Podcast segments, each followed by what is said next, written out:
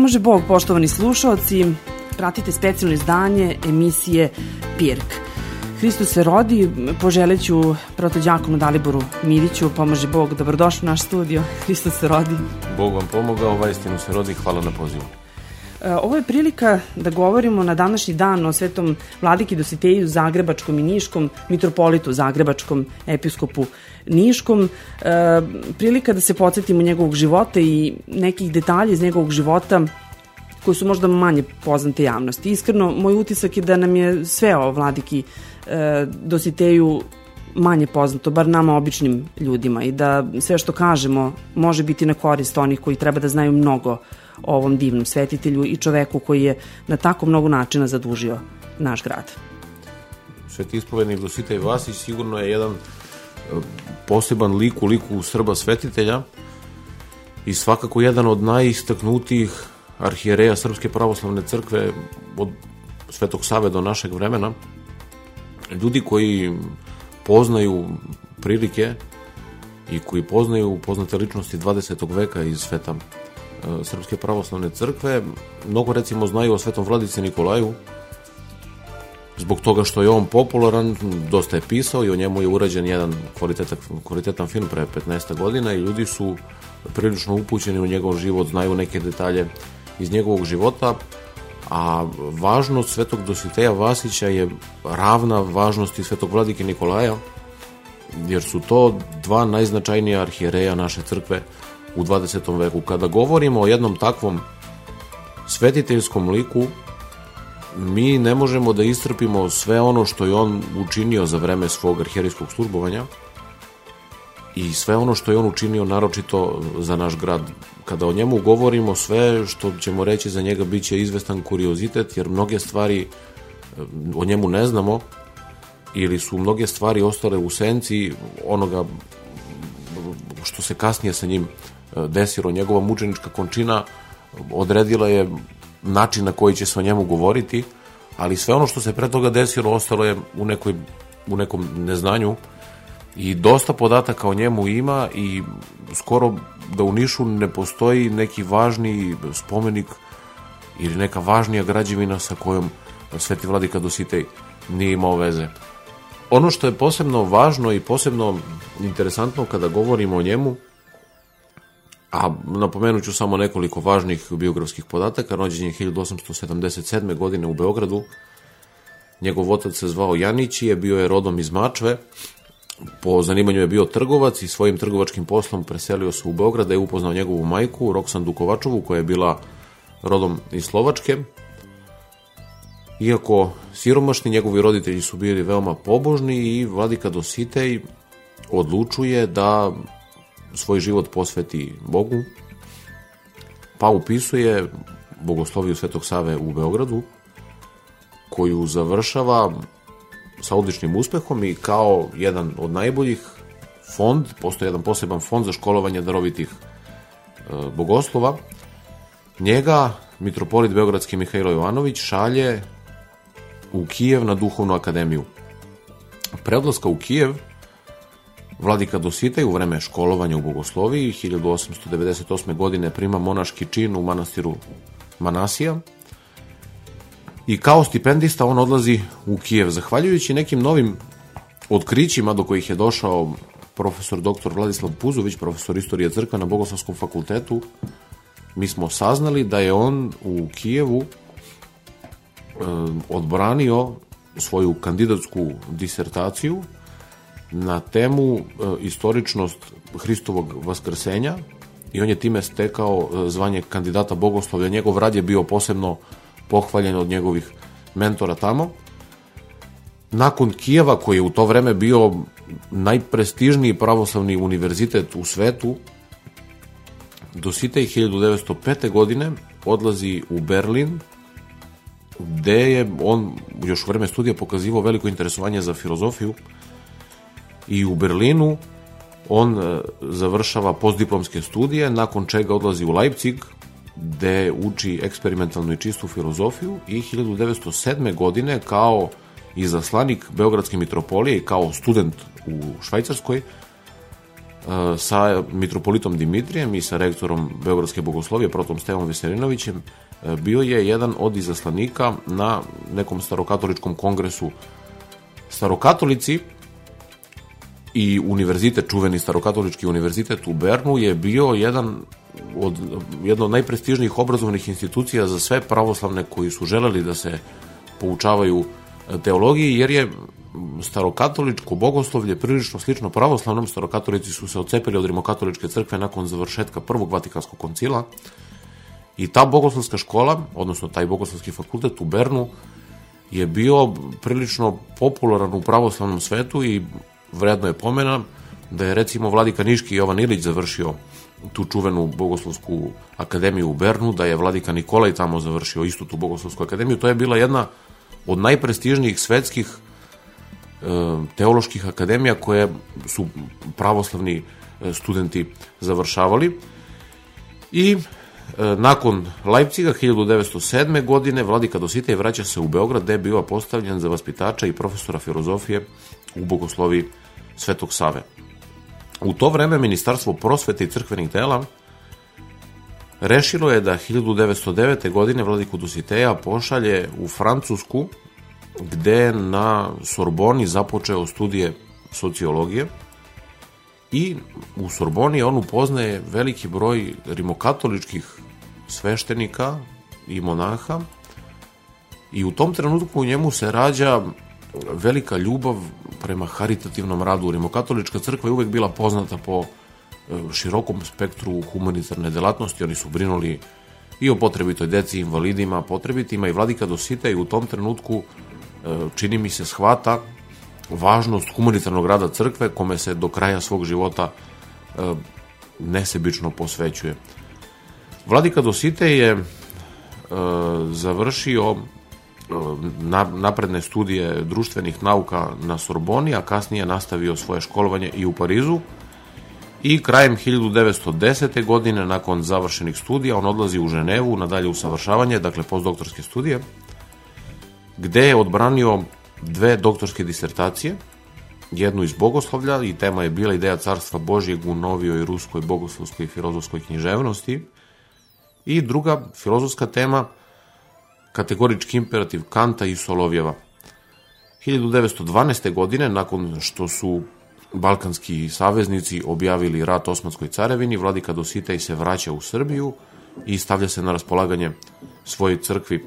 I po odluci Svetog arhijerijskog sinoda on biva postavljen za profesora i vaspitača bogoslovije u Beogradu, a odlukom mitropolita Dimitrija Pavlovića, mitropolita Srpskog, biva postavljen za sekretara glavnog odbora za pomoć ranjenicima i postradalima u ratu.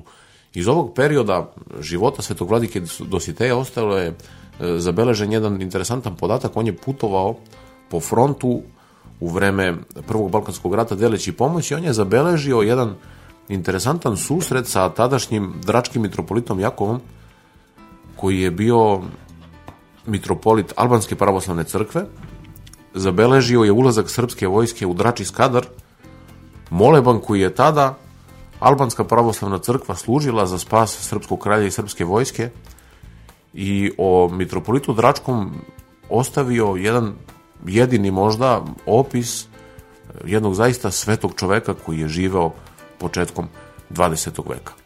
E, oče Đakone, ovo, je, ovo su informacije koje ste vi sa nama podelili, koje se iskreno nadam da će uskoro i javnost u Nišu ili svuda, gde god znaju da čitaju na srpskom jeziku, moći da pročitaju toku ove godine u izdanju Pravoslavne parhije Niške, kako je najavio i naš episkop na promociji e, jednog od najvažnijih dela u prošloj godini, izdavačkog e, dela naše eparhije, istorije pravoslavne eparhije Niške. Očekujemo da će uskoro izaći knjiga, treća knjiga o svetom vladiki Dositeju, ako se ne varam, koja je ikada napisana. Ali ono što bih vas ja sada zamolila je da prenesemo našim slušalcima makar delić onog osjećanja koje sam ja osetila kada sam na veliko zadovoljstvo pročitala i završila, e, tako kažem, prvu ruku e, tog tog teksta, nešto što će biti samo delić onog što će ljudi moći da čitaju i a moje osjećanje je bilo sledeće. Ja sam bila jako uh, tužna, jako začuđena i moram priznati pomalo ljuta na sve nas zašto lik e, Svetog vladike Dositeja nije slika koju svako dete bez razmišljanja prepoznaje? Zašto pominje se često vladika Dositej i ne možemo da, da govorimo, kao što ste sami rekli, o e, poreklu i istoriji nekih najvažnijih spomenika u Nišu, o kojima ceo svet zna, a da ne spomenemo njegovo ime, ali opet ne znamo ko je vladika Dositej. To je zaista velika sramota za sve nas zbog uh, svog uh, velikog angažovanja na svim poljima crkve, naročito kada je u pitanju i crkvena administracija, misionarenje van granica tadašnje države.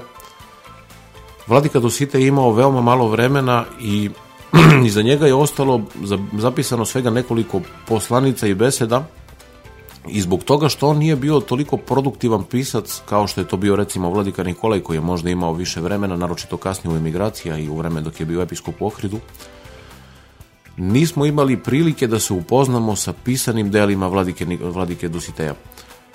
Potrudili smo se i naša eparhijska arhiva čuva nekoliko njegovih poslanica koje su u velikim praznicima upućivane vernom narodu eparhije Niške, zatim i kasnije kao administrator e, Srpske crkve nakon smrti patrijarha Varnave postoji jedna poslanica koju je on uputio vernom narodu. Vladika Dosite je živeo u jedno prilično turbulentno vreme, jer period između dva svetska rata, iako je bio period mira i blagostanja, Jugoslavija je bila jedna država koja je bila prilično uzburkana, velike političke i nacionalne podele su se dešavale i on je trebalo da u čitavom tom ambijentu balansira između političara, što nikada nije bilo e, zahvalno, ali je sa svoje strane kao episkop Niški u vreme 20-godišnjeg stolovanja dosta učinio za naš grad. Ja ću pomenuti samo nekoliko stvari koje sam siguran da malo ljudi zna.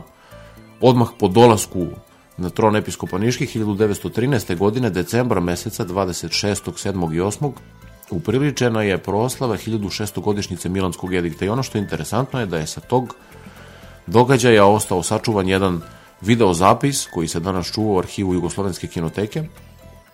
Čini mi se da traje 17 minuta najveći i najvažniji ljudi toga vremena sjatili su se u Niš, regent Aleksandar, Nikola Pašić, predsednik vlade, kralj Petar koji iz nekih opravdanih razloga nije mogao da tu bude, zatim strani konzuli i poslanici, pomenuću samo da je ruski car poslao poklon Niškoj sabonoj crkvi e, u čast proslave velikog jubileja i da je tom prilikom vladika Dositej podigao i tog dana osvećen je spomenik obešenim Nišlijama na Niškom keju kod nekadašnjeg voznenog mosta koji danas tamo stoji, mitropolitu Meletiju, proti Stojanu, svešteniku Đorđu i rodoljubima, koji su obešeni na duhove 1821. godine.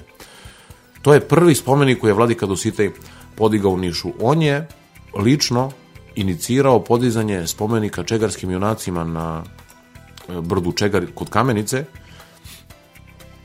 1924. godine po završetku svoje misije u Čehoslovačkoj, odnosno nakon te prve faze kada se ono tuda vratio, osnovao je odbor za podizanje spomenika i poverio izgled zdanja poznatom arhitekti koji je pola grada izgradio i sve najlepše građevine koje Niš danas ima projektove on, reći o Julijanu Djuponu, velikom i važnom arhitekti koji u Nišu žive u periodu između dva svetska rata, na koga smo sećanje osvežili nedavno kada je u Nišu otvoren jedan kafić koji je po njemu e, poneo ime, niko nije znao ko je taj čovek. I zahvaljujući zalaganju i trudu Vladike Dositeja podignut je spomenik na Čegru, njegovom osvećenju prisustvove i kralj Aleksandar, Vladika Dosite je na Čegru pozdravio kralja.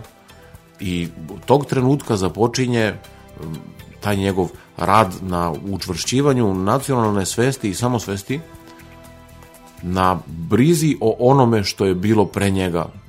On je bio izuzetno skroman čovek, jedan putopisac opisuje životni ambijent Vladike Dositeja, on je živeo u Kozaračkoj ulici današnjoj, to je bila nekadašnja Hreljina, u jednoj skromnoj kući koju su eparhiji Niškoj poklonili Kosta i Draga Tasić, veliki niški dobrotvori i zadužbinari, i on je tu živeo sa svojim roditeljima koje je doveo u Niš, jer su bili veoma siromašni, koji su, njegov otac je u vreme Prvog svetskog rata bio interniran malo posle njega, njegova majka se tokom Prvog svetskog rata patila i potucala, živeći od milosti dobrih ljudi u gradu.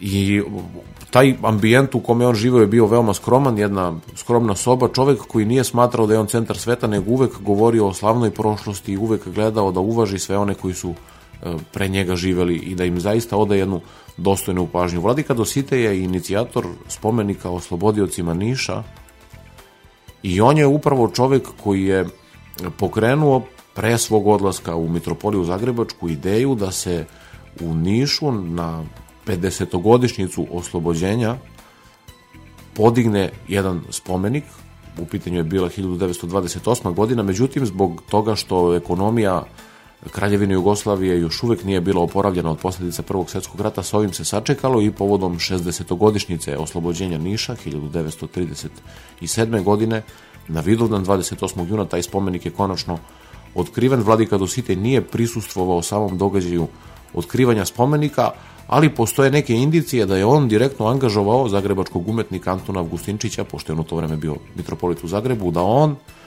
preuzme i uradi jedan od najmonumentalnijih spomenika sa zaista mnogo ukusa e, u periodu između dva svetska rata. Pored toga, Vladika Dositej, odmah po završetku Prvog svetskog rata, u saradnji sa Srpskim potpornim fondom, jednom organizacijom koja je nastala u Londonu u vreme Prvog svetskog rata i pomagala Srbe i srpsku nejač, zahvaljujući dvema izuzetnim ženama, podiže u dvorištu tadašnje Pantelejske crkve dom za sirotu decu, za ratnu siročad, u pitanju je današnji, današnji takozvani engleski dom, jedno velelepno zdanje koje je takođe projektovao Julian Dupont, koji je vladika Dusita i osvetio zajedno sa, i to je interesantno, anglikanskim sveštenikom koji je u to vreme u Nišu bio zbog Engleza koji su se ovde našli, u taj dom smestio uh, na stotine uh, sirote dece.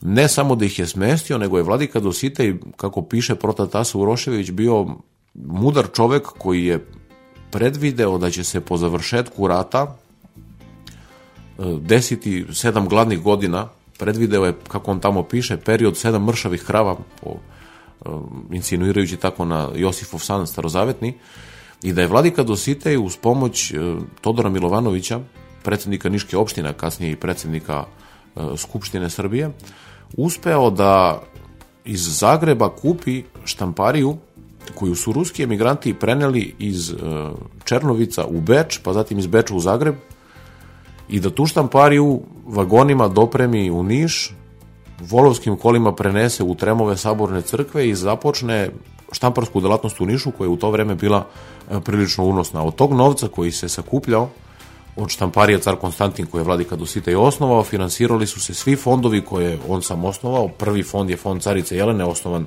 u godini proslavi jubileja 1913. I taj fond brinuo je o ženskoj deci, ne o njihovoj udaji ili mirazu, nego o njihovom obrazovanju, što je veoma važno napomenuti s obzirom na vreme o kome govorimo. Zatim, e, čitava izdavačka delatnost, a u to vreme prvi put se Niče na srpskom jeziku pojavio u izdanju Privredne zadruge eparhije Niške, spektar stvari koje je štamparija radila bio je zaista prilično obiman, ne postoji čovek, najvažnije izdanje koje je privredna zadruga ikada izdala bilo je prolog, ohridski prolog Vladike Nikolaja. To je prvo delo, tako? To je prvo delo koje je zapravo i štampano u, u toj niškoj štampariji Sveti car Konstantin.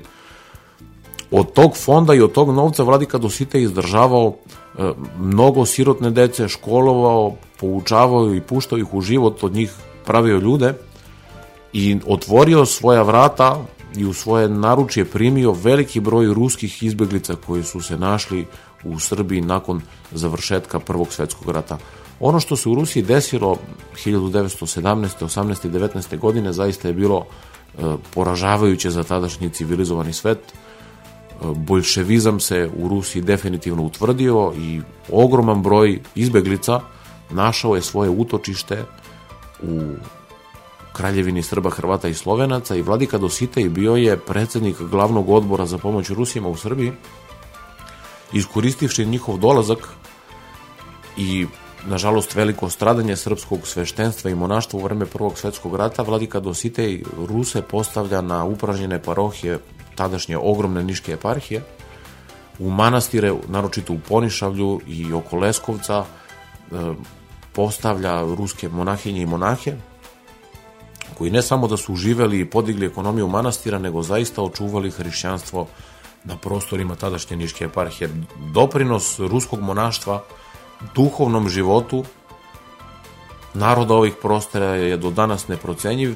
te neke od tih monahinja umrle su nedavno, mi pamtimo neke od njih, to su bile izuzetno školovane žene, velike podvižnice našeg vremena koje su svoje kosti, ali i svoje duhovno nasleđe ostavile sigurno na ovim prostorima. Najčuvenije je svakako bila igumanija manastira Svetih Kirika i Julite u Smirovcima, koja je sahranjena u Sofiji. O njenom poreklu se malo zna, ali zna se da je bila iz aristokratske porodice. I u Bugarskoj je pokrenuta inicijativa da se ona uvrsti u kalendar svetih, jedna zaista velika, važna i sveta žena. Nakon podizanja spomenika na Čegoru, Vladika Dositej podiže spomenik palim borcima u Crnoj travi i zatim e, postoji jedan veoma interesantan videozapis proslave desetogodišnjice Topličkog ustanka 1927. kada Vladika Dositej osvećuje spomenik vozvenom puku u Prokuplju koji nažalost nikada nije podignut, svedoci smo da se to tek nedavno dogodilo, ali je kamen temeljac osvećen još tada. Širom eparhije Niške Vladika Dositej putuje, obilazi, brine i pazi. I ostalo je poznati niški književnik, vidio sam Vice Petrović, pokojni, napisao jednu knjigu koja se zove Niške anegdote i na stotinu mesta zapisivao jedne neke interesantne detalje iz gradskog života gde se Vladika Dositej pominjao, gde zaista stičem utisak da je on bio jedan izuzetno blag čovek u arhivi, ja nisam našao ni jedno pismo koje Vladika Dositej piše nekom svešteniku da ga ukorava ili prekoreva zbog nečega, nisam pronašao ni jedan podatak da je Vladika Dositej ikada neko kaznio. A znamo kakvi su sveštenici u to vreme bili. Ima dosta podataka o tome, Vladika Dositej nikoga nije ukoravao, već je zaista sa jednom pastirskom i očitskom brigom e, gledao da o svima njima brine. Pored teškog života, i pored svih teških okolnosti njegovi roditelji našli su večno počivalište na starom niškom groblju i pre nekoliko godina, hvala Bogu, uspeli smo da pronađemo njihov spomenik. Njegova majka upokojila se 1927. Otac 1928. godine i na njihovom epitafu piše da njima spomenik podiže Dositej, mitropolit Zagrebački. Jedan skroman spomenik, ali on se svojih roditelja setio i hvala Bogu mi sada znamo e, gde je taj njihov spomenik kao najboljeg od najboljih, njega Sveti arhijerejski sabor u vreme patrijarha Varnave, jednog izuzetno preduzimljivog i sposobnog e, prvojerarha naše crkve, izabira za mitropolita novoosnovane Zagrebačke mitropolije. Srbi su na prostorima današnje Hrvatske živeli od vajkada i podizali svoje crkve i manastire, velike svetinje, i pojavila se potreba da se na jednom takvom terenu, u jednoj zaista svetskoj metropoli kakvu bivša Jugoslavija kraljevina tada nije imala kao što je Zagreb, postavi jedan čovek kakav je bio Vladika Dositej. Na osnovu onoga što znamo, a sagledavši njegovo obrazovanje, mi vidimo da je on znao sigurno e, ruski, grčki, slovački, češki, francuski jezik, koristio se latinskim, a tečno govorio nemački, I kada su uzeli sve te njegove darove u obzir, oni su rešili da njega postave za prvog mitropolita Zagrebačke eparhije, jer je trebalo ustrojiti i crkvenu administraciju i crkveni život i manastira, a vladika Dositej se u svemu tome pokazao um, zaista kao jedan odličan um, poznavalac svega toga i 1931. na redovnom zasedanju Svetog arhijerijskog sabora, maja meseca, on biva izabran za mitropolita Zagrebačkog. On će u Nišu ostati još dve godine nakon toga, pripremajući sebi put za odlazak u čuvenu i slavnu Zagrebačku mitropoliju. Oče Protođakone, ja znam koliko vi e, napor ulažete da arheološka građa i arhivska građa koju imate o Svetom Vladiki Dositeju bude uvrštena u, u novo izdanje knjige, koliko želite da, da bude i prikazana javnosti, ali ono što bih ja opet nekako želela da se istakne i da možda čujemo i vidimo i u toj knjizi koja će uskoro izaći, jeste ta ljubav kojom nas je pre svega zadužio vladika Dosite. Ta ljubav zaista nije znala za granice i kada govorimo o njoj ne možemo govoriti samo o, njih, o njegovoj duhovnoj deci, o nama u pravoslavnoj eparhiji Niškoj. Ta ljubav je zaista prevazilazila sve moguće granice. On imao prijatelje i ljude koji su ga voleli i izuzetno poštovali e, i u rimokatoličkom svetu i na, što, što bi rekli, na istok i na zapad, gde god, gde god da je krenuo, gde god da je bio, e, ulivo je veliko poštovanje i ljudi su ga cenili i uvažavali svuda. E, ono što je jako interesantno reći za vladiku Dositeja je činjenica da je on koliko poštovao svoje prijatelje jednako poštovao svoje neprijatelje. Veoma interesantna činjenica da svega godinu ili dve nakon što se vratio iz internacije u Bugarskoj da je zaista e, dobro da je preživeo dobro i da se vratio, kako su postupali prema njemu, e, već u dva navrata vrlo uskoro kada je Bugarskoj bila potrebna pomoć, Vladika je pokazao tu veliku spremnost i želju da, da pomogne i svoj narod je na jako dobar način poučio kako i na koji način treba da se obhodimo, čak i prema ljudima koji se možda prema nama nisu obhodili na dobar način. Sjajne su bile besede koje on tada održao i u kojima nas je podsjećao. Da, ja sam pronašao jedan zapisnik e, sa sednice Crvenog odbora Crvenog krsta u Nišu 1922. godine u Bugarskoj je došlo do puča i smene vlasti pala je vlada Aleksandra Stamborijskog čoveka koji je potpisao e, Nejski, a kasnije i Parijski mirovni sporazum i na taj način izazvao veliki gnev nacionalista koji su živeli u tadašnjoj Bugarskoj i na prostoru Stare Srbije, odnosno današnje Makedonije, Nakon ovoga poznat je čuveni atentat na cara Ferdinanda u hramu Svete nedelje u Sofiji, Aleksandar Stambolijski ubijen, a prethodno su mu komite VMRO-a isekle šaku u kojem je potpisao Parijski mirovni ugovor i narod preplašen, Bugari uplašeni, počinju da beže iz svoje države i preko 20.000 ljudi se u roku od jednog dana našlo na prostoru tadašnje Niške eparhije. U Nišu se sastao odbor Crvenog krsta koji je trebalo da vidi kako tom narodu treba pomoći. I skoro svi članovi tog odbora bili su protiv toga da se Bugarima uopšte pomogne. I prema tom zapisniku kaže da su svi govorili svoje mišljenje o trenutnom stanju.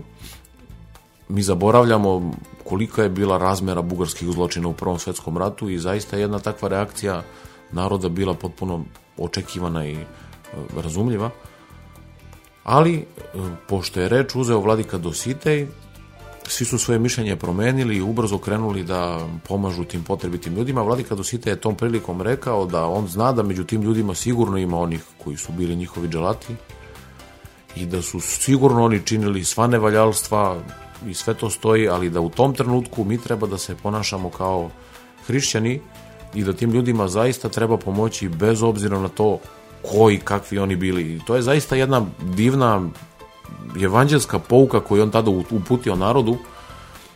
Pokazao je širinu e, svojih gledišta, dubinu svog srca i pomogao sve te potrebite ljude koji su se u tom trenutku zatekli. Kasnije će on 1927. nakon jednog strašnog zemljotresa koji je pogodio Bugarsku iz Niša poći vozom put Bugarske i istim tim putem gde je nekada bio interniran da egzarhu, mitropolitu Stefanu, odnese pozamašnu svotu novca za obnovu Bugarske koja je bila razorena u teškom zemljotresu.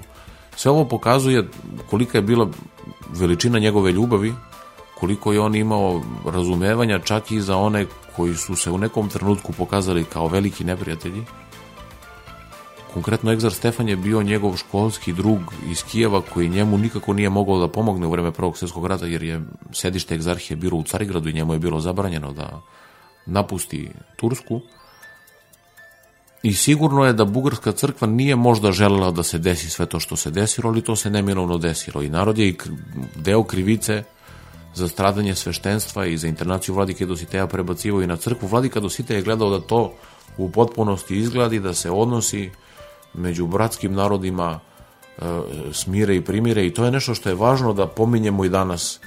Kada je došlo vreme da vladika Dositej strada, kada je uspostavljena nezavisna država Hrvatska, kada je Dido Kvaternik postavljen za vršioca dužnosti poglavnika jedne užasne tvorevine koju pamtimo kao nezavisna država Hrvatska, prema arhivskim dokumentima koji se čuvaju u Srpskoj patrijaršiji, Max Luborić, jedan od kasnih upravnika logora, Jasenovac, došao je kod vladike Dositeja pokušavajući da sa njim pronađe neki modus vivendi, odnosno neki način na koji Srpska pravoslavna crkva u novoj državi koja nije bila ni nezavisna, nije bila ni država, nije bila ni samo Hrvatska, uspostavi neki odnos i vladika Dosite je njega veoma srdačno primio, zaista ne znajući o kakvom se zlotvoru radi i prema zapisima e, Lazara Živadinovića, njegovog đakona koji će postradati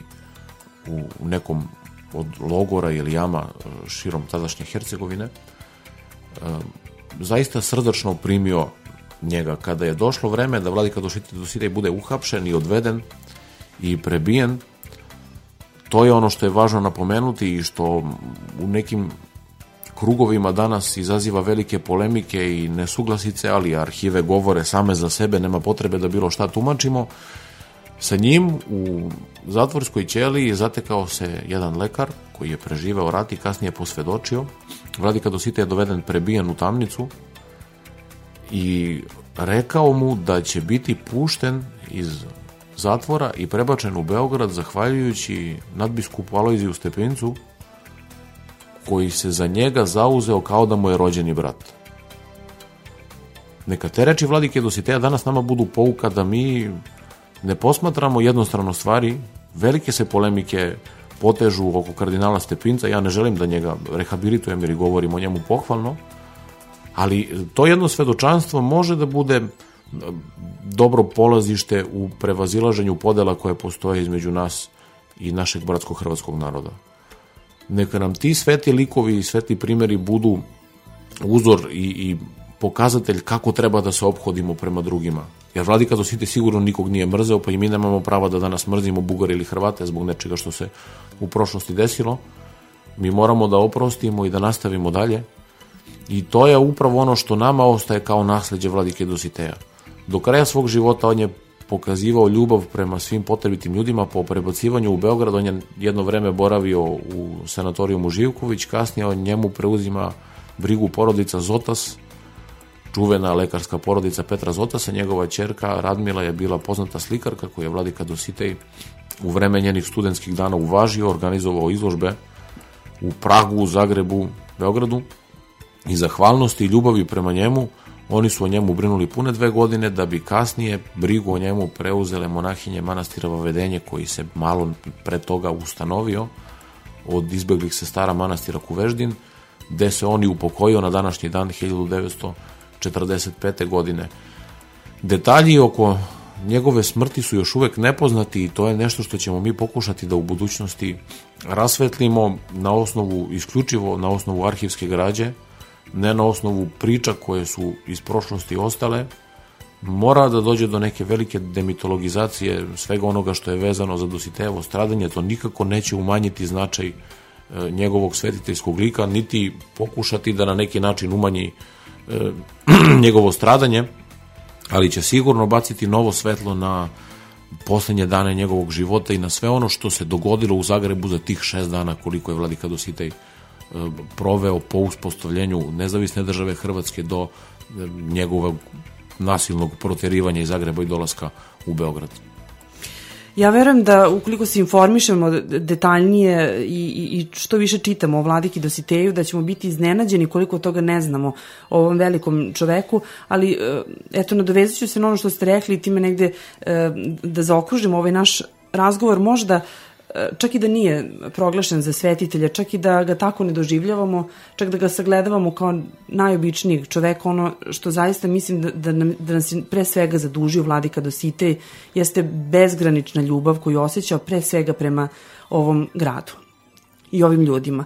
O tome svedoči i način e, na koji se on obraćao narodu ovde, posebno njegova poslednja beseda koju je održao u Sabanom hramu, način na koji je ispraćen za, za Zagreb, ali ono što po meni možda naj, najviše svedoči o toj ljubavi jeste da je njegova pristupna beseda koju je održao kada je e, kada je postao mitropolit e, Zagrebački, da je ona naj, u najvećoj meri bila posvećena istoriji i, i ponosu koji on imao i osjećao prema pravoslavne eparhiji Nišu i gradu iz koga je došao posle 20 godina.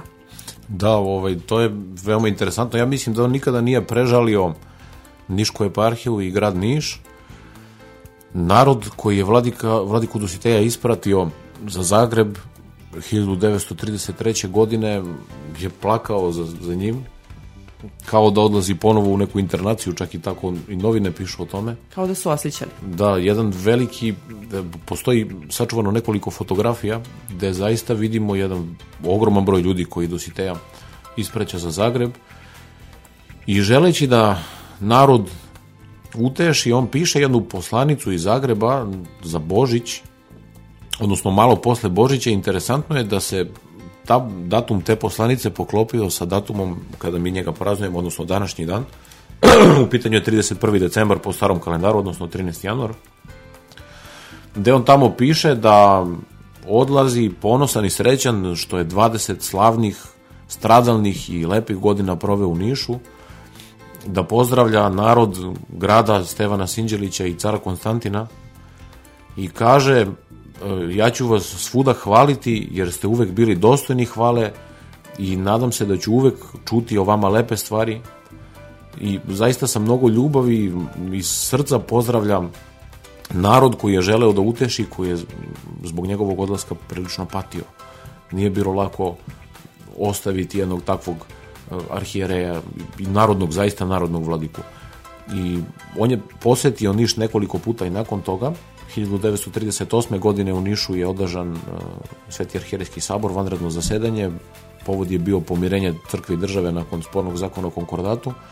I poslednji put Vladika Dositej posetio je Niš decembra 1940. godine prilikom osvećenja otkrivanja spomenika kralju Aleksandru ujedinitelju na današnjem trgu gde čak postoji video zapis uh, na kome se vidi Vladika Dositej koji je bio prilično srećan što se u tom trenutku, kako se na snimku vidi, našao na tom mjestu. Eparhija Niška ima ideju da ove godine snimi jedan film o njegovom životu, jer postoji zaista dosta video i fotomaterijala o Svetom Dositeju i mi se nadamo da ćemo možda do kraja ove godine uspeti da, da realizujemo e, taj projekat. Bilo bi lepo na taj način osvetliti njegov život, neke najinteresantnije stvari, detalje iz njegovog života i nadamo se da će nam Bog, da će nas Gospod udostojiti da to isprovedemo u delo. Ako ne tokom ove, onda u nekoj od narednih godina, ali to je neka ideja koju ćemo se zaista truditi da realizujemo.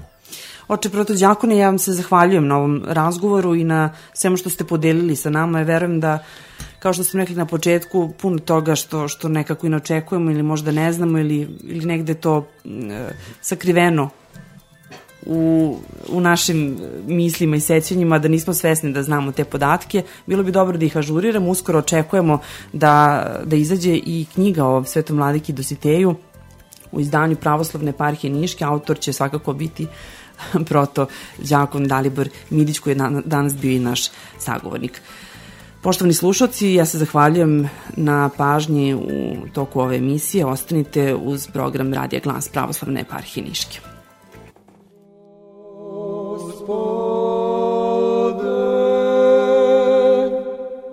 Koji gledaš u srce čovečije.